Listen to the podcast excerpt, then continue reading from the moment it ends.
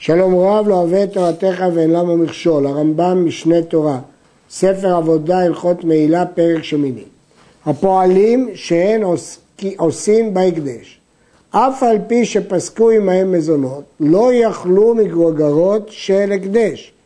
כתוב כי תבוא בכרם רעיך ואכלת, דווקא בכרם רעיך, אבל לא של הקדש. ואם אכלו, מעלו. אלא ההקדש נותן להם דמי מזונות. ההקדש צריך לשלם להם בנפרד מזונות, אבל הם לא יכולים לאכול.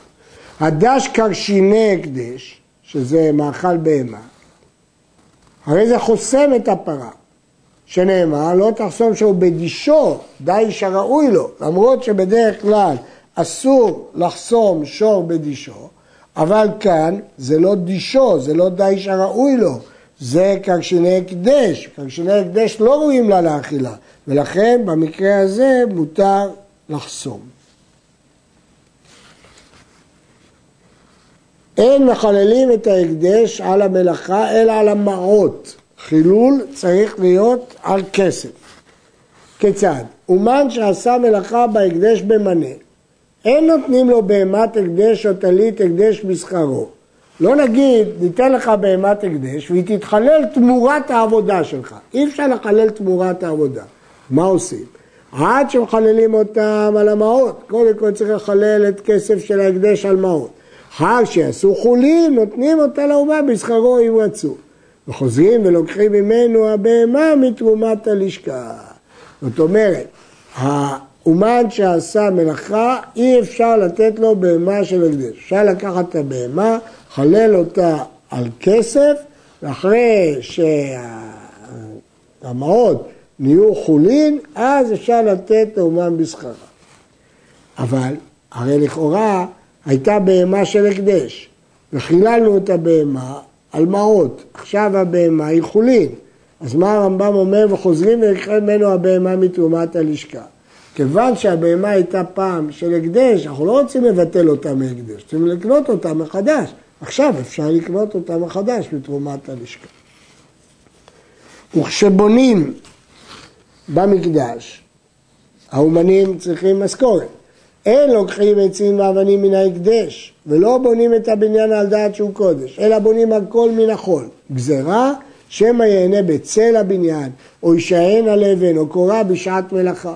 לכן עושים הכל חולין, לא עושים ממעות הקדש ולא מחפצים של הקדש, אלא עושים את הכל מחולין כדי שלא ייכשלו בהנאה. ואחר שישלם הבניין, מחללים מאות ההקדש על הבניין. ואם צרכו הגזברים לעצים לקודש לאותו היום בלבד, לוקחים אותם ממעות הקדש. הרי אינם מתאחרים ימים כדי שנחוש להם שמא יישען אדם עליהם וימול. אם זה לצורך שימוש מיידי, אין חשש ואז זה מותר. כשפוסקים עם האומנים לבנות במקדש ובעזרות, פוסקים עליהם כך וכך אמה בכך וכך סלע. באמה בת 24.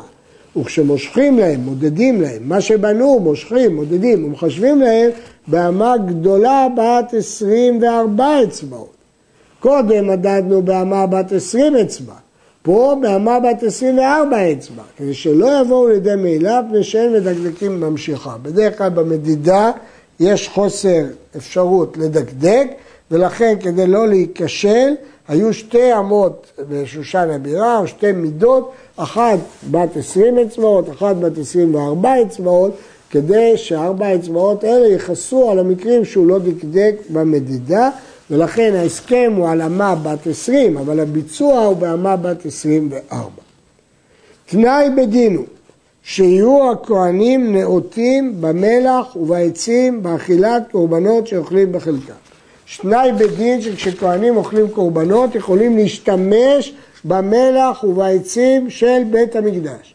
אבל לא ייתנו מלח המקדש בחולין שלהם. כל מה שהתרנו זה בקודשים, להשתמש במלח ובעצים של בית המקדש. יש לשאול, איזה אבה אמינא הייתה שהם השתמשו בחולין? הייתי חושב שהחולין האלה נאכלים כדי לאכול את הקודשים על הסבה, אז גם הם קצת משמשים את הקודשים, בכל זאת אסור. המפרשים אומרים פה שמה שהתירו מלח זה בקודשי קודשים שנאכלים בעזרה, אבל לא בקודשים קלים שמחוץ לעזרה. מלח שעל גבי העבר מועלים בו. אסור להשתמש בו לצרכים פרטיים כי הוא הוקדש. שעל גבי הכבש על ראש המזבח אין מועלים בו, כי עדיין הוא לא הוקדש, הוא רק מיועד למלוח את הקורבן.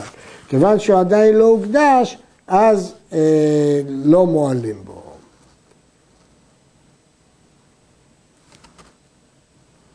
הלכה ח' סיום ספר עבודה.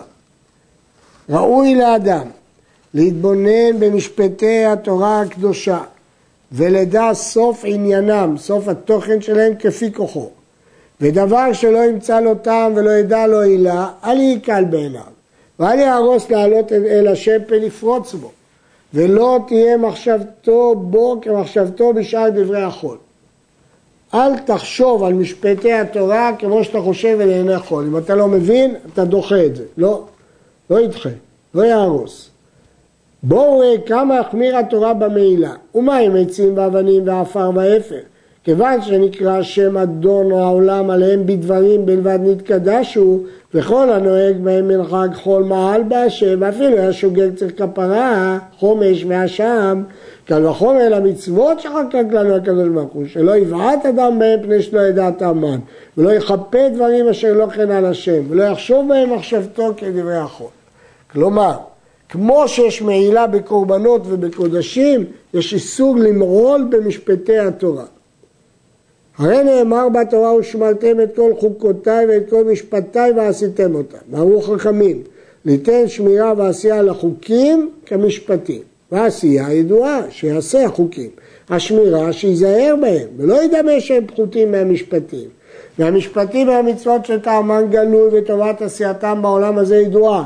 כגון איסור גזל ושפיכת דמים וכיבוד אביהם, והחוקים והמצוות שאין טעמן גלוי. אמרו חכמים, חוקים שחקקתי לך ואין לך רשות לערער בהם, ויצרו של אדם נוקפו בהם, ואומות העולם משיבים עליהם, כגון איסור בשר חזיר, ובשר וחלב, ועגלה ערופה, ופרה אדומה, ושעיר המשתלח, יש חוקים, אבל חוקותיי ומשפטיי, כמו ששומרים את המשפטים, קח את החוקים. וכמה היה דוד המלך מצטער מן המינים והגויים שהיו משיבים על החוקים, מתווכחים על חוקי השם שאין להם טעם. וכל זמן שהיו רודפים אותו בתשובות השקר, שעורכים לפי קוצר דעת האדם, היה מוסיף דווקא לתורה, שנאמר תפלו עלי שקר זה דין, אני בכל לב אצור פיקודיך. ונאמר שם בעניין, כל מצוותיך אמונה, שקר הדפוני, עוזרני. וכל הקורבנות כולם מכלל החוקים הם. לפיכך אמרו חכמים שאף על עבודת הקורבנות העולם עומד, שבעשיית החוקים והמשפטים זוכים הישרים לחיי העולם הבא. והקדים התורה הציבוריה על החוקים, שנאמר ושמרתם את חוקותיי ואת משפטיי, קודם חוקים ואחר כך משפטים. ושמרתם את חוקותיי ואת משפטיי, שיעשה אותם האדם וחי בהם. בחיים האלה, חיי הנצח, מסיים הרמב"ם את ספר עבודה בריך רחמנא דסייה. נגמר ספר שמיני בעזרת שדי. ומניין פרקים של ספר זה חמישה ותשעים פרקים. הלכות בית המכירה שמונה פרקים. הלכות כלי המקדש עשרה פרקים. הלכות ביאת המקדש תשעה פרקים. הלכות איסורי מזבח שבעה פרקים. הלכות מעשה הקרמנות תשעה עשר פרקים. הלכות תמידין ומוספים עשרה פרקים, הלכות פסולי המוקדשים תשעה עשר פרקים, הלכות עבודת יום הכיפורים חמישה פרקים, הלכות מעילה שמונה פרקים. זכינו לסיים עוד ספר מספרי הרמב"ם, ספר עבודה. יהי רצון שנזכה לראות בחידוש העבודה בבניין בית קודשנו בתפארתו בירושלים, עיר תפארתנו, אמן.